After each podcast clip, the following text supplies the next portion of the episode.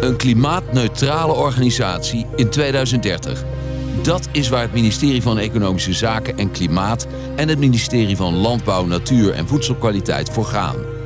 Ze trekken samen op in hun verduurzamingsproces. Ik spreek met medewerkers van beide ministeries die direct betrokken zijn bij de verduurzaming van Nederland en hun eigen organisaties.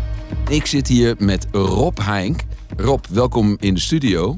Als ik het even heel erg mag platslaan op een leuke manier. Jij doet dit werk, categorie manager noem je dat dan met een chic woord, al tien jaar. Om even in mensentaal, gewone mensentaal te zeggen, jij zorgt voor gezond, lekker, sociaal, duurzaam, goed te kanen voedsel op alle ministeries en uitvoerende diensten. Ja. Belastingdienst bijvoorbeeld en dat soort organen. Ja, dat klopt helemaal. Samen met eh, mijn team zorgen we daarvoor. En dat doe je al tien jaar. Dat is best wel lang. Ja, dat had ik eh, in het begin ook niet verwacht dat ik dat eh, zo lang zou volhouden.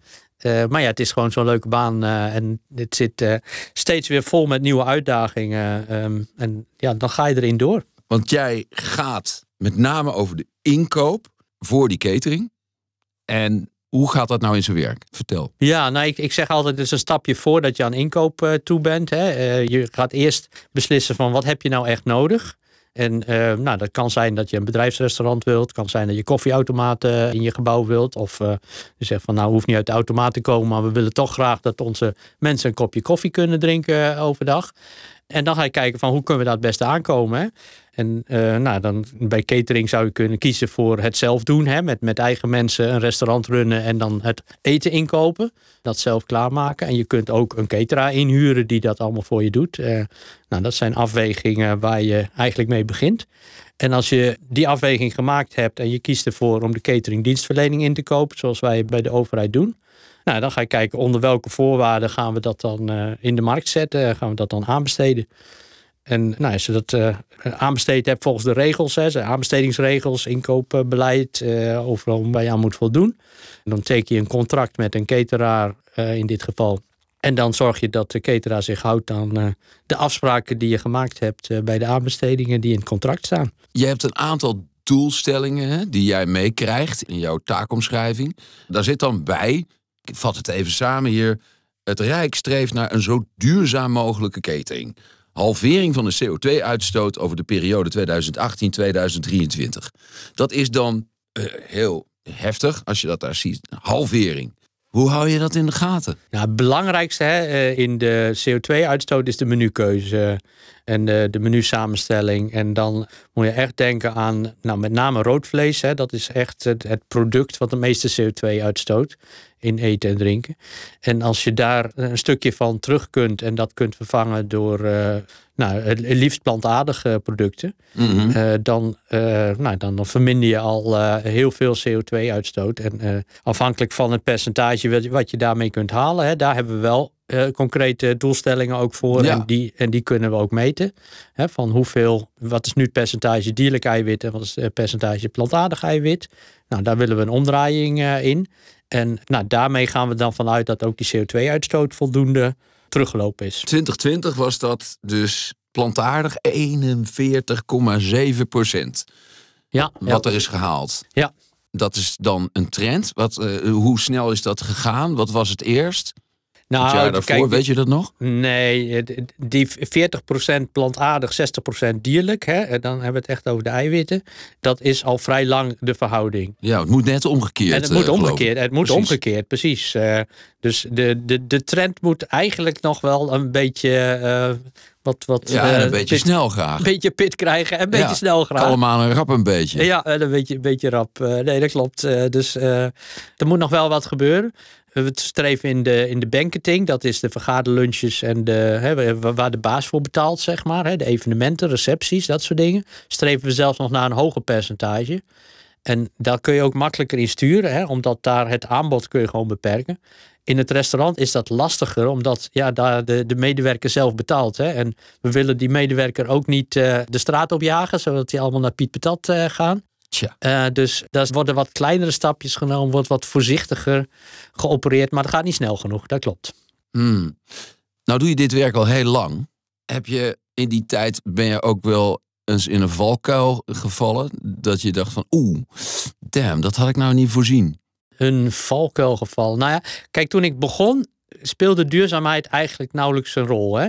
Het ging eigenlijk alleen maar, kan het niet goedkoper. Nou ja, is, ik bedoel, eigenlijk, dat, dat is eigenlijk een valkuil. Dat is eigenlijk, ja nee, daarom vertel dat, ik het ook als antwoord op je vraag. Ja. Van, van uh, kan het niet goedkoper? Hè? En ja, mensen zeiden tegen mij van, ja, die cateraars die verdienen toch geld doordat ze producten verkopen. Waarom moeten ze nou nog subsidie van uh, de baas krijgen uh, erbij? Want even terug naar die, die medewerker. Jij zegt, je wil ze niet de straat opjagen.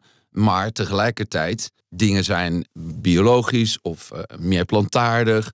Is meestal ook een beetje duurder, toch? Ja, Nee, dat klopt. Dat klopt. En um, daar hebben we dus ook onderscheid. Hè, waar de catering meer gesubsidieerd wordt, daar zijn de producten of de prijzen nog iets lager dan um, de, ook de contracten voor de grote departementen in Den Haag. Zijn veelal commercieel en dan zijn de prijzen ook duidelijk hoger. Uh, maar ja, je moet daar wel mee uitkijken als je te hoge prijzen stelt. Dat is wel, trouwens wel een goed voorbeeld. Je noemde net biologisch. Mm -hmm. toen ik uh, begon, uh, toen had het ministerie van LNV de doelstelling het restaurant 100% biologisch te maken. En dat deden ze eigenlijk vanuit het niets. Dat was het, uh, het beleid van de minister. En uh, nou ja, dan moest het restaurant ook maar aan voldoen. Toen gingen de mensen dus echt de straat op. Die gingen zelf naar de Albert Heijn. En die gingen in het restaurant de tafel zelf dekken. Want die uh, hoefden dat spul uit het restaurant hoefden ze niet meer. Want biologisch was niet te eten. En nou ja, de kwaliteit vonden ze niet, niet goed. Dus nou, zulke extreme omslagen. Hè. Er zijn nu ook wel mensen die tegen mij zeggen van... hoe zo uh, te langzaam met plantaardig. Hoppa, in één keer al dat vlees eruit, uh, alle melk eruit. Want uh, dat is de doelstelling. Waarom doe je dat niet in één keer? Hm. Nou, ik ben van overtuigd dat al de mensen dan gewoon wegjaagt en er niemand meer komt. Uh, neemt men of de pakketjes van thuis mee, of uh, men uh, zoekt wel een andere plek om te eten. Ja, dat is dus het ene eind van het spectrum. Ja. het andere eind is dat jij dingen inkoopt die wel, wel volgens ketenverantwoordelijkheid zijn gemaakt. Die, waarbij true pricing bijvoorbeeld is toegepast. Kun je daar iets meer over zeggen? En wat zou eraan kunnen doen om dat meer in jouw omgeving uh, te krijgen en wat de meerwaarde daarvan is? Ja, er zijn een heleboel vragen uh, tegelijk, Rol. Ja, uh, ja. maar dat kun jij aan, Rob. True pricing, ik zal eerst iets over vertellen van wat het is en, en dan hoe je het kunt gebruiken het betekent dat je de externe kosten in de prijs meerekent. Dus de kosten van uh, milieuschade die eventueel toegepast worden. Maar ook als het over internationale producten gaat. Van kinderarbeid die erin verwerkt is. Ontbossing misschien. Nou, al dat soort aspecten. Daar kun je een prijs aan hangen. CO2-uitstoot is natuurlijk bekend. de CO2-certificaten.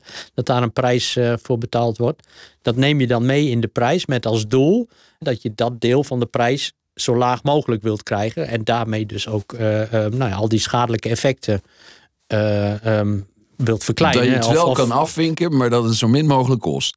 Ja, nou ja, je, je past het prijsmechanisme pas je eigenlijk toe op al die schadelijke punten om te zorgen dat die verkleind worden. Dat is dan de, de sturing. We hebben in een van onze restaurants is een experiment geweest waarin ook naast de gewone prijs ook de true price is neergezet. Ja. En daar konden mensen dan vrijwillig voor kiezen om de true price te betalen. En die meerprijs werd dan aan een goed doel geschonken. Nou, dat was niet zo'n succesvol experiment. Daar hebben maar heel weinig gasten hebben daarvoor gekozen. Dus dat is jammer, ja. bedrag voor het goede doel was ook niet. En we zijn nu in voorbereiding met een experiment waar we echt de prijzen gaan aanpassen. En dan gaan kijken, en dat doen we um, bij het Krancafé in Utrecht van Rijkswaterstaat. En dan uh, bijvoorbeeld de koffie met plantaardige, melk mag ik niet zeggen, plantaardige drink, haver of amandeldrink. Ja. En die wordt goedkoper.